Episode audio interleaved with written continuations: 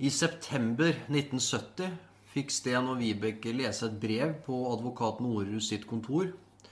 Brevet det var skrevet av en mann som var leieboer hos stepperen og hans mor. I brevet så fremkommer det at mannen hadde besøkt Fredrikstad politistasjon i begynnelsen av januar 1970 og fortalt om sine opplevelser. Han ble jo imidlertid avvist. Han ble også avvist i juni 1970, da han igjen oppsøkte Fredrikstad politistasjon med de samme opplysningene. Avvist ble han også da han under rettssaken i Sarpsborg hadde forsøkt å få snakke med aktor Håkon Viker og sjefen for mordkommisjonen Rolf Harry Arman samt Per Liland. Dette brevet var skrevet av en mann som het Tormod Vik. Ja, Etter at Sten og Vibeke hadde da prøvd å kontakte Tormod på sin arbeidsplass, så ringte han dem opp den 9. september i 1970. De avtalte å treffes på parkeringsplassen bak Hotell City klokka 20.00 neste kveld. Ja, og vi skriver torsdag den 10. september 1970. Etter å ha venta noen minutter på Tormod Vik, banker han på bilruta. Det er en velpleid mann, ca. 40 år, som kjapt setter seg inn i bilen. Han har en tynn, lysegrå dress, lys regnfrakk og bærer på en paraply. Han ser sympatisk ut og har snille øyne bak sine hornbriller. Sakte klapper han sammen paraplyen sin og knepper opp regnfrakken. Han forteller at han bor i andre etasje hos stepperen.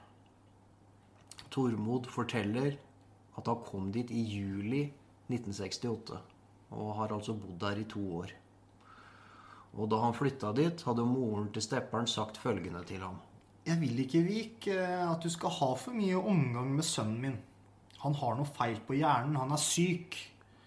Han har tatt livet av en skjøge om bord i sin motorsnekke, og hun var fra Selbakk.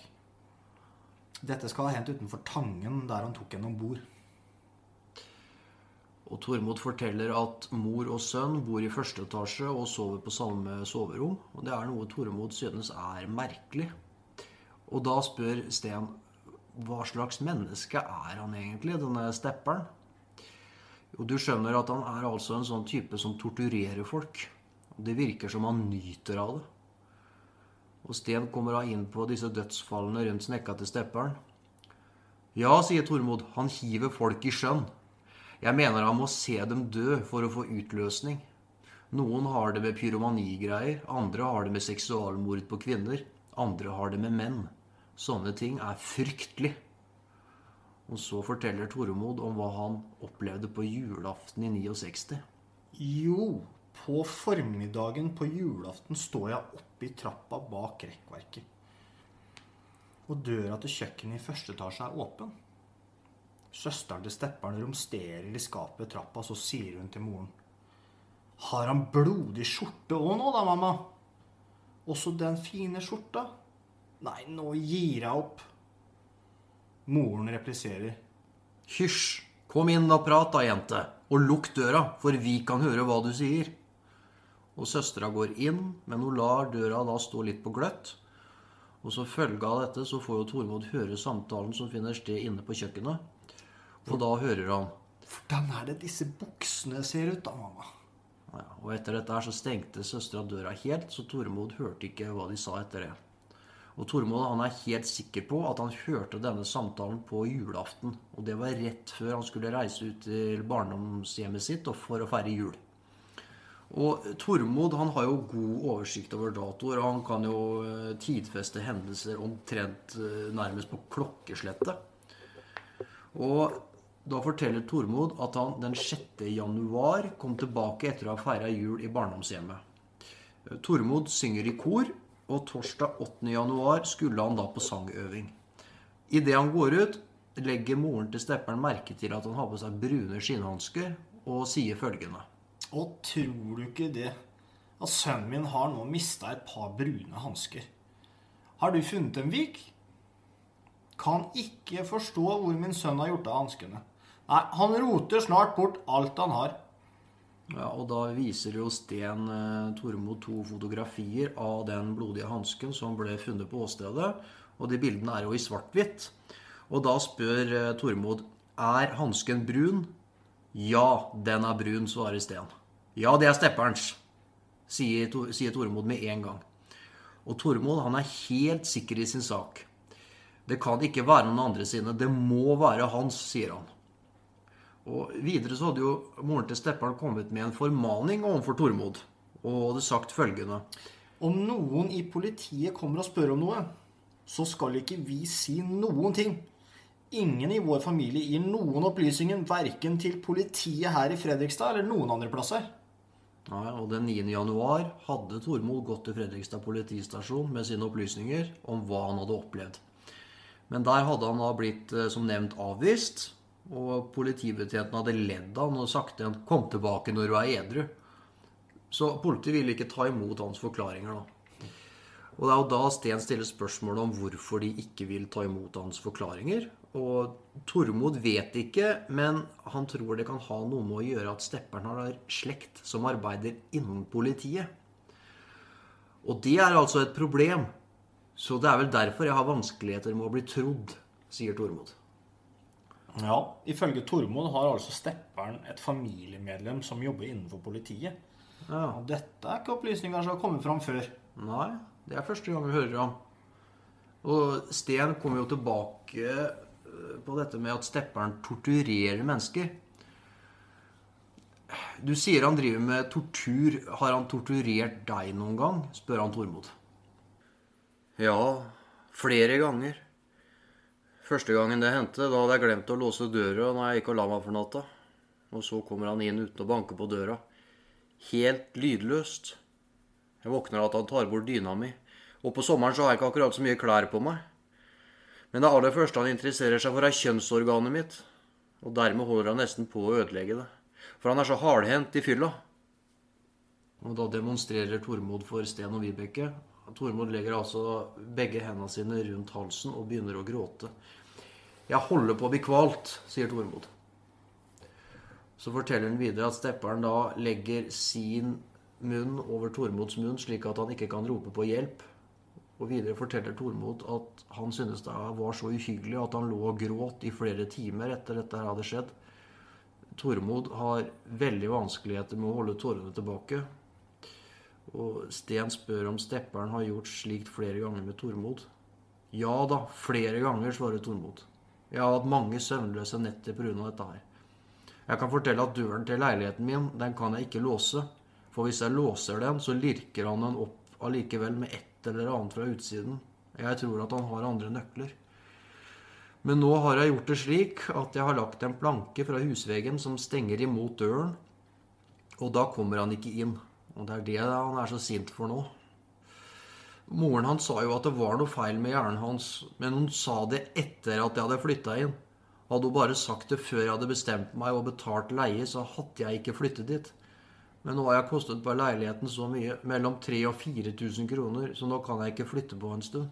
Men jeg må jo gjøre det, for jeg holder ikke ut lenger. Og Tormod begynner å gråte. Og han gråter lenge.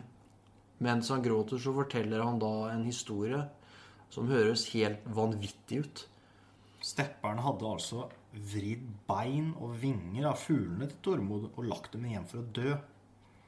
Stepperen hadde sagt at han skulle gjøre det samme med Tormod om han nevnte noe for politiet om sine mistanker.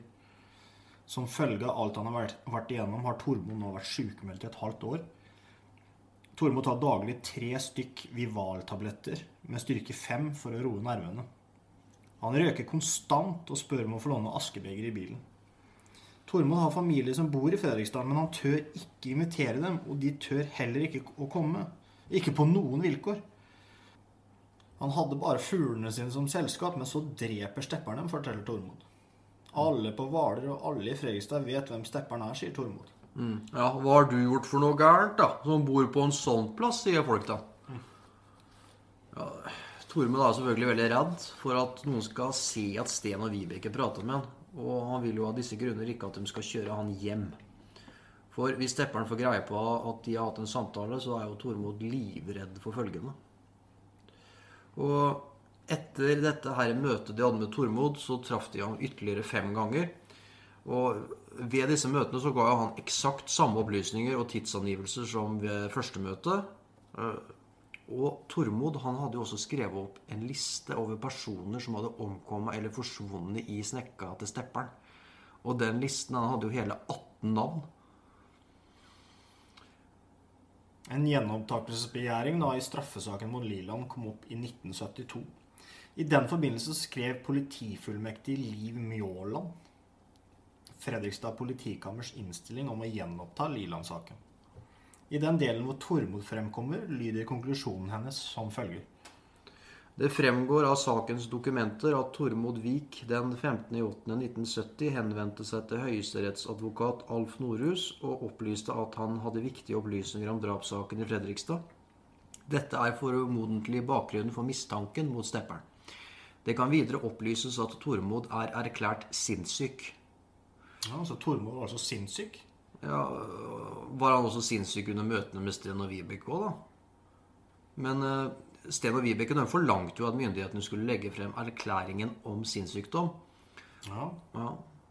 Åtte måneder senere, 19.10.1972, da la Liv Mjåland fram erklæringen.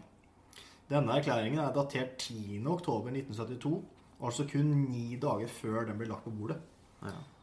Men Dette det, er ingen spesialisterklæring. nei, det er ikke det. Det er bare en legeerklæring som er skrevet av Tormods bedriftslege. Og det var etter henstilling fra politiet. Og denne erklæringen den lyder jo som følger. Eh, De siste årene har han følt seg tiltagende nervøs. Han plages også av tanken på en mann som han sier han vet er innblandet i en mordsak. Dette har han gått til politiet med. Jeg vil ikke gå nærmere inn på realiteten i disse beskyldningene, men de virker umiddelbart sterkt paranoide og svevende. Han føler seg forfulgt på andre områder, og jeg har foreløpig anbefalt ham innleggelse og behandling på psykiatrisk avdeling ved sentralsykehuset. Datert 10.10.1972. Altså, På bakgrunn av denne erklæringen så kunne man altså avskrive hele vitneforklaringen til Tormod. da. Ja, Han kunne rett og slett bare føya seg inn i rekken av lite troverdige vitner som aktor Håkon Vike ga følgende karakteristikk. Disse vitner kan dere se bort ifra uten skrupler. De har ingen forankring i mulighetenes verden. Men før vi eventuelt avskriver Tormod sin forklaring, da, så skal vi ta for oss en annen historie. Og den historien kommer fra Gunnar og Berit. De kjente stepperen godt og bodde den gang på Utsikten, om lag en halv kilometer fra huset til stepperen. Og det de hadde opplevd, det skjedde da på åttetiden, ved åttetiden på julaftens morgen 1969. Da fikk de nemlig besøk av stepperen. Han fortalte da at han hadde vært på fest om natta. Og de oppdager da at den hvite skjorta hans er tilsølt av blod. Og de ber jo da om en forklaring. Og hans forklaring var at han hadde skåret seg på en vaier på tjærbruket. Og da spør de om å få se såret, og han viser dem da en gammel rift som umulig kan ha forårsaka det blodsølet han har på skjorta. Men de sperra jo opp øya da han på eget initiativ forteller at John og Håkon er drept i løpet av natta med øks. Jaha. Og dette her er da klokka åtte på morgenen. Julaften. Ja, 69.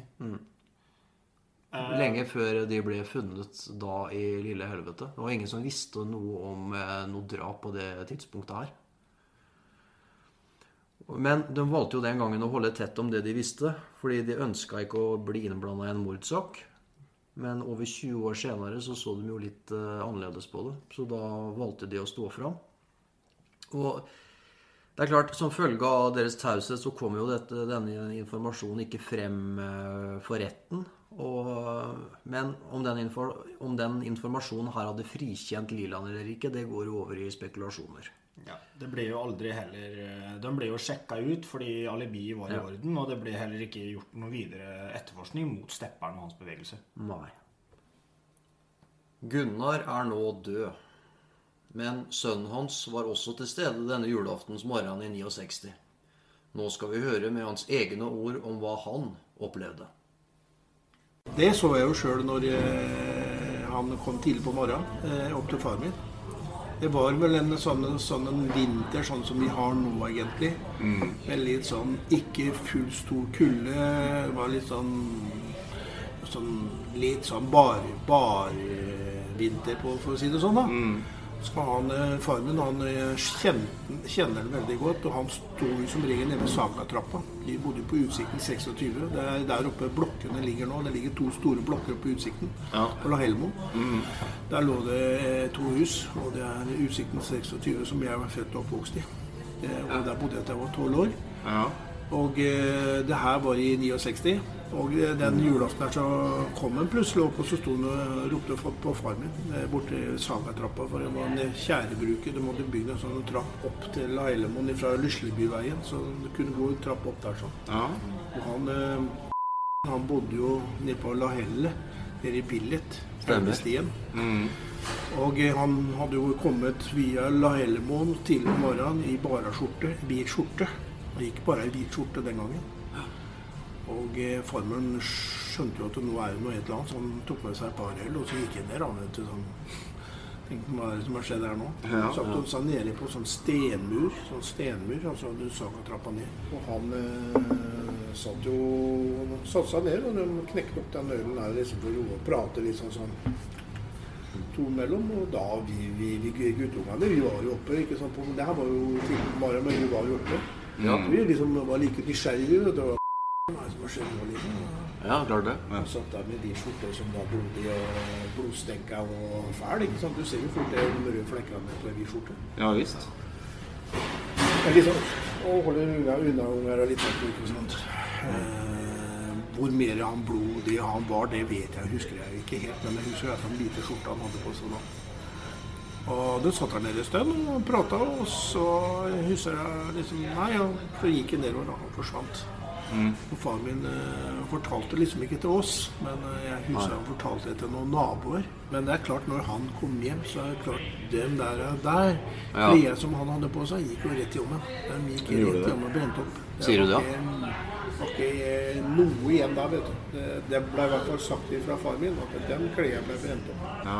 For da kom jo det Det her var jo såpass tidlig på morgenen, så at uh, politiet hadde jo knapt nok vært nede i lille helvete. Det hadde jo ikke kommet i avisa eller noe som helst. det greiene her, vet du. Ingen som visste om det? Ingen som visste om det ved tidspunktet han fikk greie på det. I hvert fall det far min sa til meg. i hvert fall. For vi er på julaftens morgen 69 nå? ja. Mm. Og da var det jo ingen som visste det. og Politiet tror jeg ikke hadde vært der nesten engang. Altså, når han fortalte at de, de guttene der de hadde blitt slått i hjel. Var eh, nede i lille helvete. Du måtte blitt eh, drept. Ah. Så han hadde jo da blitt fortalt dette her av stepperen. Ja, det ble fortalt av stepperen. Vil si. Og det var jo ingen som visste at uh, de skulle Og drept. det skjønte jo far min at eh, han, når han leste avisa når den kom ut, Ja. så skjønte han at det, Hvordan faen kunne han vite det når politiet var jo der nede? Akkurat. Ikke sant? Så jeg bare la sammen én pluss én. Det var ikke noe verre regnestykke enn det. Nei, nei, det er jo ikke det. Og han hadde jo gått nedover. Han hadde jo ikke tatt noen bilder av han. Han hadde jo bare kun det han opplevde, ikke sant. Men du vet, når eh, eh, det her kom innover, så liksom følte han faen, altså, det, er meg som har skjedd noe. Mm. Det er jo virkelig han, ja, faen han kjente jo fra før av, det var jo en hardhaus. Han var ikke god i fylla. Han uh, fikk i seg noen uh, drammer, så var han helt håpløs type. Han var farlig. Han var farlig. Han var farlig. Meget farlig. Interessant. Denne historien er jo virkelig noe til ettertanke. Så det er altså ikke bare Tormod som kunne fortelle om stepperens blodige skjorte julaften 1969. Og Sten og Vibeke de hadde jo da en avtale med Tormod om å gjøre et videointervju 20. mai 1972. Men så skjedde jo det som skjedde, og det var at eh, de ble landsforvist.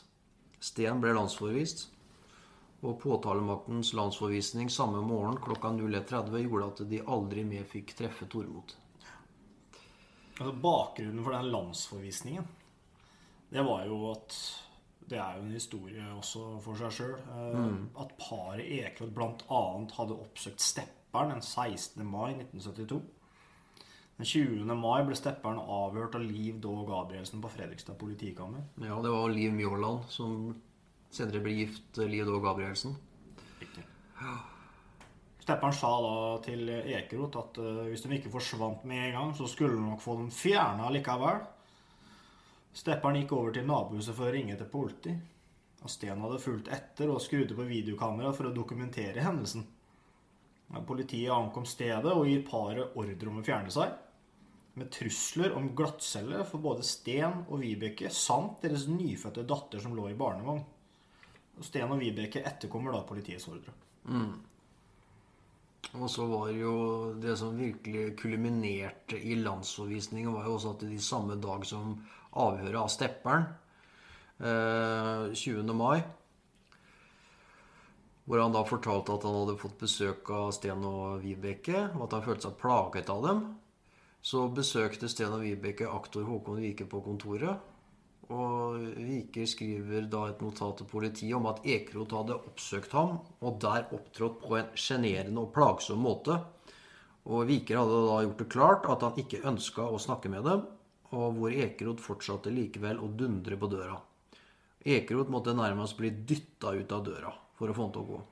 Og Viker fant det nødvendig å be politiet sørge for at dette ikke her gjentar seg. Som følge av landsforvisninga vendte ikke Sten og Vibeke tilbake til Norge før etter ti lange år.